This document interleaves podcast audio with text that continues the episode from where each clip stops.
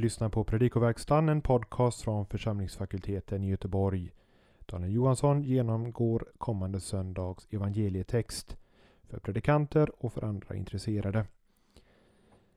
För dig som inte får tidningen Hälsning från församlingsfakulteten i brevlådan vill jag påminna om att den finns att ladda ner på vår hemsida med information om senaste nytt, om studier i höst, fördjupning, om en kristen människas frihet. Gå in på hemsidan www.ffg.se. Hälsning skickas ut gratis till gåvogivare så ge en gåva och du får nästa nummer hemskickat i brevlådan utan någon extra kostnad. Till exempel med en gåva på swishnummer 123 100 8457. Glöm inte att ange adress. Men nu Daniel Johansson. Första årgångens evangelium för midfastosöndagen hämtas från Johannes 6, 1-15. Avsnittet inleds med en märklig konstruktion. Tes thalasses, tes galilaias, tes tiberiados. Sjö följt av två genitivbestämningar, dels Galileen och dels Tiberias. Som framgår av notapparaten i Nästlalan har detta förorsakat visst bryderi ibland de som skrivit av texten. En variant har till exempel orden eis ta merre innan Tiberias och då får vi betydelsen till andra sidan Galileiska sjön till Tiberias område. Eh, det vill säga i sydväst, rakt motsatt den traditionella placeringen i nordost i närheten av Betsaida. Det enklaste sättet att förstå den i Nästlalan tryckta varianten det är att ta den andra genitiven som epexegetisk. Jesus får över till andra sidan Galileiska sjön, det vill säga Tiberias sjö. Det här är första gången av tre som vi stöter på den här benämningen Tiberias sjö. Ehm, det, de övriga finner vi senare här i kapitel 6 i vers 23 och sedan i Johannes 21 1. Staden Tiberias grundades av Herodes Antipas någon gång 18 till 20 efter Kristus till kejsar Tiberius ära. Den ansågs eftersom den var grundad på en gammal begravningsplats länge för oren av judarna men efter att den under mitten av andra århundradet förklarats för ren så blev den ett rabbinskt centrum och man kan än idag besöka många berömda rabbiners gravar i staden Tiberias. I vers 2 bör man lägga märke till att de två huvudverben ekolosei och eseoron Eh, båda står i imperfekt och indikerar att folk under en tidsperiod höll på att följa Jesus och se undren eller tecknen han gjorde. Att de båda verben står i singularis det beror på att ochlos, folk, är ett kollektivt substantiv. I vers 5 eh, så är verbet agorasomen eh, det står i konjunktiv och det är ett exempel på den så kallade deliberativa konjunktiven. Den används i frågor där svaret inte är givet. I texterna för första respektive tredje söndagen i fastan den här årgången eh, möter vi verbet peirazzo och nu gör vi det igen eh, här i vers 6 när det står Toto de elegen peiratson auton. Här måste peirazzo ha betydelsen pröva för inget i kontexten antyder att det skulle vara fråga om en frestelse. Och participet uttrycker syfte. Detta sade han, Jesus alltså, för att pröva honom, Filippus. I nästa vers, vers 7, eh, så stöter vi på diakosion denarion. Båda orden i genitiv pluralis. Det är frågan om prisets genitiv, alltså vad något kostar står i genitiv. Och vi översätter bröd till ett värde av 200 denarer. Det här motsvarar ungefär en arbetares lön under åtta månader. Substantivet paidarion i vers 9 är en diminutiv form av pais som ju kan betyda barn eller tjänare. Med eh, paidarion så kan ett litet barn avses, men också en ungdom som inte längre är ett barn eller till och med en ung slav tjänare. Gehazi, Elisa, eh, ehm, Elisas eh, tjänare, han betecknas som en paidarion i Septuaginta, Andra Kungaboken 449. Men så gör även den unge Josef i Första Moseboken 37.30 och Daniel och hans vänner i Daniel 1. Artos brukar avse bröd bakat på vete, men här preciseras det med adjektivet eh, krithinos som betyder gjort med korn och då får vi kornbröd. Kornbröd var mer eh, smält och smakade sämre än vete och betraktades därför som fattigmanskost. Opsarion är diminutivformen av opson och opson det avser tillagad mat.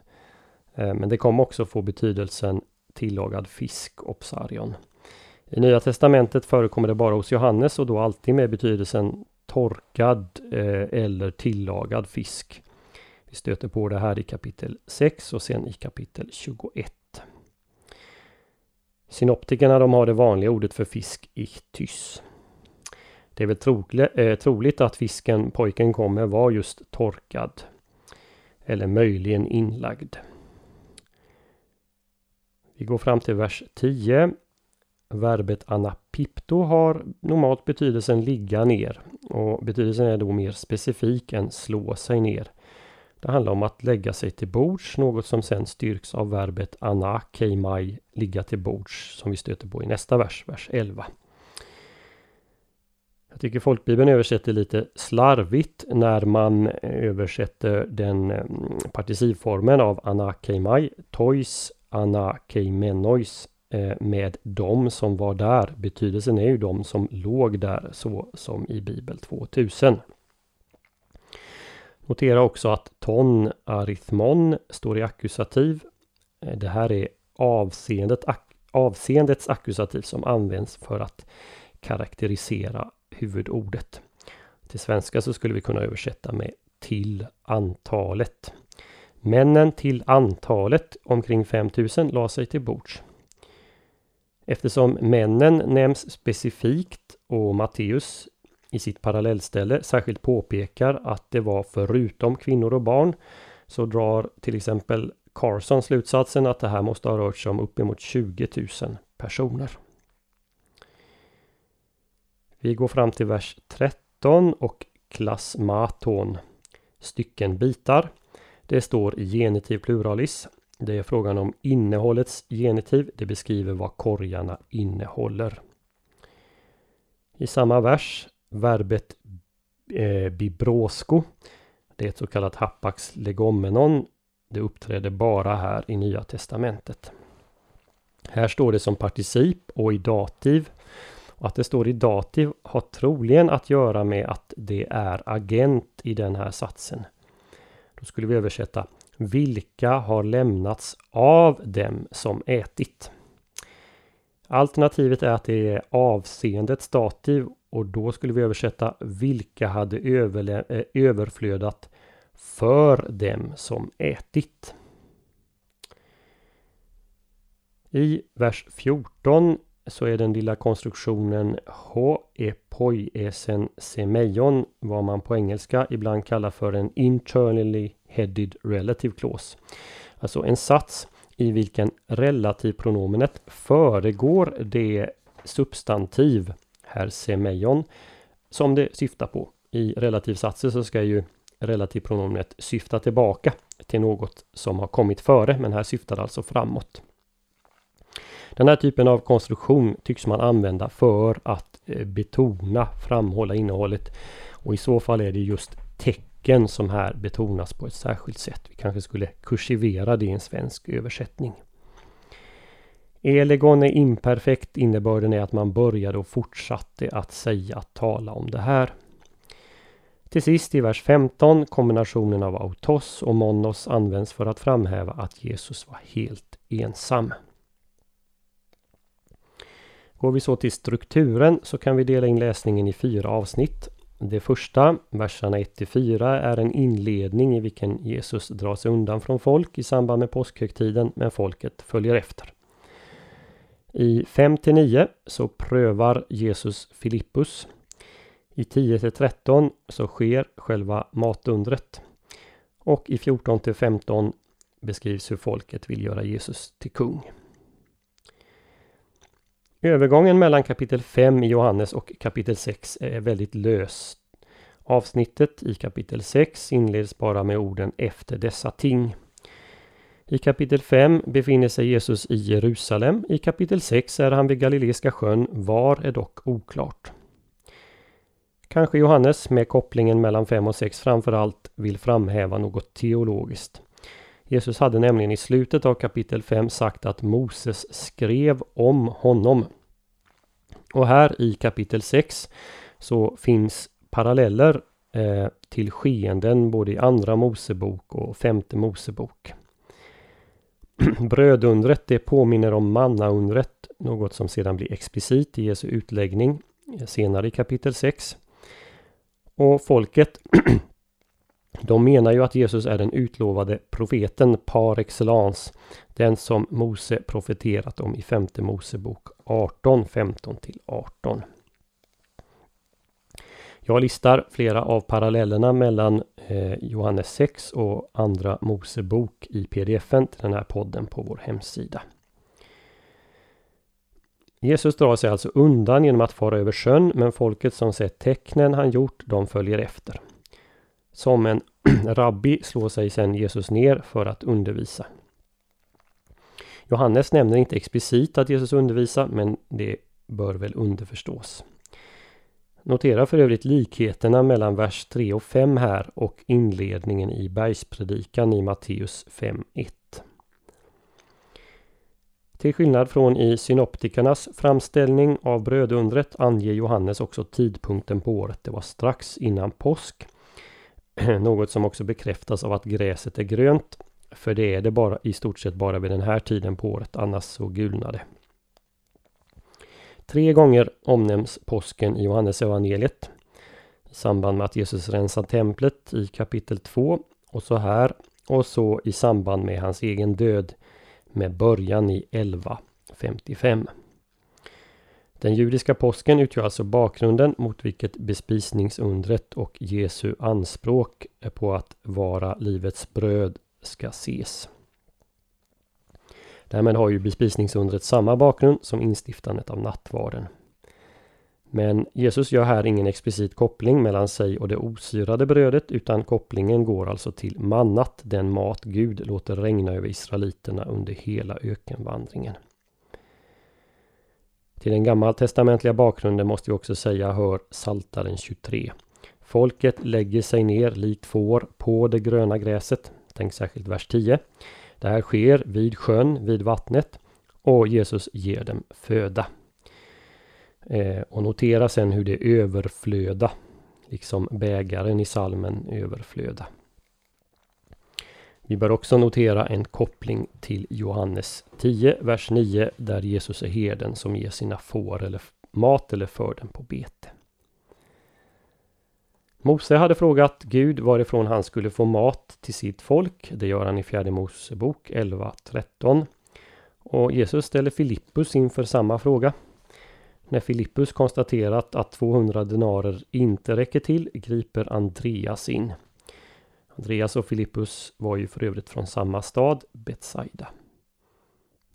En del finner här en parallell mellan pojkens fem bröd och två fiskar och hur Elisa kunde mätta hundra män med 20 kornbröd och ax av grönskuren säd som vi kan läsa om i Andra Kungaboken 4, 42-44. Den explicita parallellen är ju dock som framgår av fortsättningen manna undret under ökenvandringen. När Jesus i vers 11 tackar Gud gjorde han det sannolikt med den judiska bordsbönen Välsignad vare du och Herre vår Gud, hela universums konung som frambringar bröd från marken. Lärjungarnas roll vid den här händelsen betonas också på olika sätt. Jesus ber dem att se till att folket lägger sig till bords och sen så läggs stor vikt vid hur de samlar upp allt som blivit över. Vad är poängen med att betona hur mycket som blir över? Ja, till att börja med visar det att Messias inte bara ger så mycket som behövs utan han ger i överflöd. Siffran 12 påminner naturligtvis om Israels 12 stammar och upp, återupprättandet av Israels 12 stammar. Men 12 korgar innebär också att var och en av de 12 apostlarna, lärjungarna, har en korg var. Och kanske Jesus när han säger att inget ska förgås avser att lärjungarna ska delta i Messias verk att samla Guds utvalda så att var och en som tror på Guds son ska få evigt liv och inte förgås. Samma verb används. Och vidare att lärjungarna ska ge föda med den mat som är Jesus själv, livets bröd. Här finns också paralleller mellan det Johannes skriver om brödundret och den eukaristiska bönen i den tidiga kristna skriften Didache.